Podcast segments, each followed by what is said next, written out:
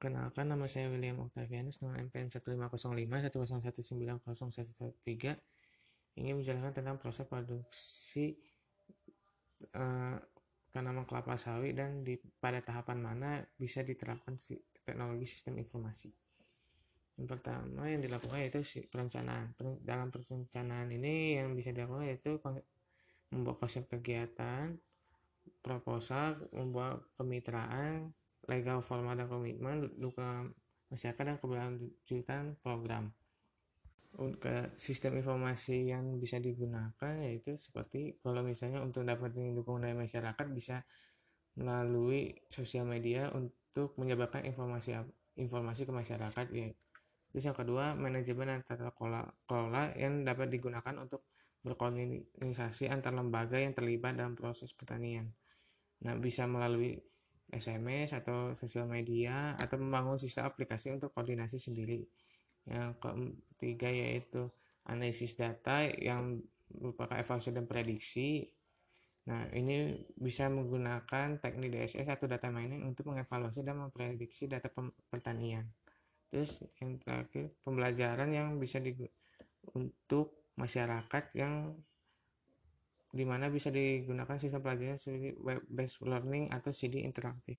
Lalu yang kedua yaitu penyiapan alat bahan dan alat produksi. Nah, untuk hal ini bisa uh, seperti pembelian alat bahan seperti kayak beli tanahnya atau pupuk dan lain-lain.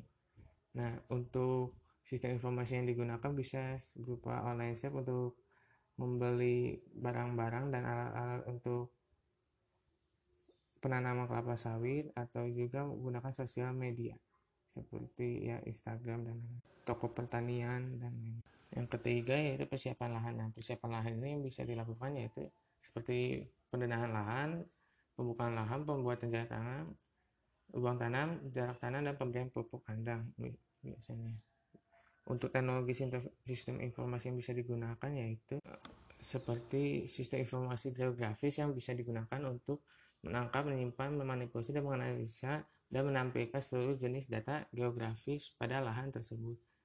Dan juga bisa menggunakan uh, WebGIS yang berat, yang merupakan sistem pemetaan sistem informasi geografis digital yang menggunakan jaringan internet sebagai media komunikasi yang berfungsi mendistribusikan, mempublikasikan, mengintegrasikan, dan menghubungkan informasi dalam bentuk skrip pada digital serta menjalankan fungsi-fungsi analisis melalui jaringan internet. Dan juga bisa menggunakan citra satelit. Nanti citra satelit ini menggunakan pengolahan data citra satelit Quidbird menggunakan aplikasi Quantum GIS pengolahan ini untuk pembuatan poin untuk seperti simbol pohon kelapa sawit, poligon untuk area perkebunan dan database. Nah, setelah itu diekspor ke HTML, format HTML. Lalu implementasi WebGIS-nya untuk yaitu rancangan desain antarmuka dan ekspor pengolahan data cerita satelit menggunakan bahasa pemrograman PHP dan JavaScript. Lalu bisa juga menggunakan airborne lidar. Nah, airborne lidar ini fungsinya memadukan antara gelombang inframerah, kamera foto udara, dan GPS untuk penentuan posisi dan inertial measure unit untuk mengetahui uh, attitude pesawat. Nah, informasinya itu bisa digunakan untuk membantu perencanaan desain kebun, desain irigasi, land sustainability, dan pembangunan sarana prasarana untuk penanaman kelapa sawit. Nah, tahap keempat itu penanaman dan pemeliharaan tanah uh, tanaman kelapa sawit. Nah, ini tuh bisa berupa persiapan bibit, persiapan tanaman pelindung, penyiraman rutin, penyulaman, pemupukan HPT, pemangkasan, dan sortasi bakal buah. Nah, untuk sistem informasi yang dipakai bisa menggunakan Promete. Nah, di dalam Promete ini bisa um, menggunakan sistem untuk membantu pemilihan bibit alternatif yang bisa digunakan untuk pengambilan keputusan penggunaan bibit. Nah, sistem ini tuh proses perhitungannya, pemilihannya kelapa sawitnya itu sesuai dengan kriterianya seperti kayak jenis tanah, temperatur udara, ketinggian daerah curah hujan dan rendaman sesuai hasil tabel acuan nah outputnya tuh nanti yaitu rekomendasi alternatif ranking bibit kelapa sawit untuk membantu pengambilan keputusan melalui alternatif bibit kelapa sawit terbaik sesuai hasil sistem atau dengan pertimbangan lain. Dan juga bisa menggunakan uh, sistem kayak lidarnya untuk keefektifan dan keefisiensian penanaman kelapa sawit, pemonitoran kesehatan tiap tiap-tiap tanaman, mengecek sistem hidrologi kebun seperti ada tidaknya genangan di lokasi kebun, mengecek area konservasi, pemodel akumulasi pestisida, penghitungan SPH dan informasi atribut kelapa sawit seperti ketinggian pohon, level kanopi dan diameter batang.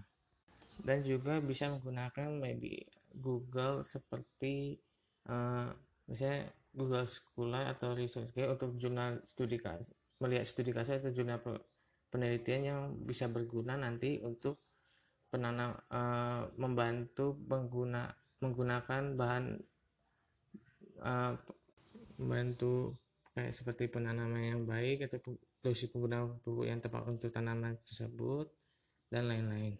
Lalu ya, yang dilakukan yaitu panen dan pasca panen yang bisa dilakukan tuh yaitu seperti data kapasitas produksi kelapa sawit, eh, waktu panen, alat panen, pengolahan hasil, dan pengembangan untuk distribusi.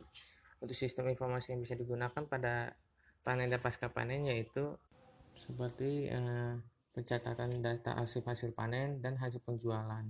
Nah, untuk sistem informasi yang dipakai itu bisa menggunakan Microsoft Visual Basic untuk buat desain tampilan program, eh, Swarm untuk menghubungkan program Mix, Crystal Report untuk buat laporan dan MySQL untuk dia konektor ke database yang nantinya khusus untuk data hasil panen dan hasil penjualan agar dapat memaksimalkan penggunaan data secara bersama-sama sehingga resikonya risiko kehilangan atau kesalahan dapat diminimalisir. Sehingga memudahkan nanti karyawan untuk mencari data-data seperti bekas yang disimpan. Eh, sekian dari saya. Mohon maaf jika banyak kekurangan. Terima kasih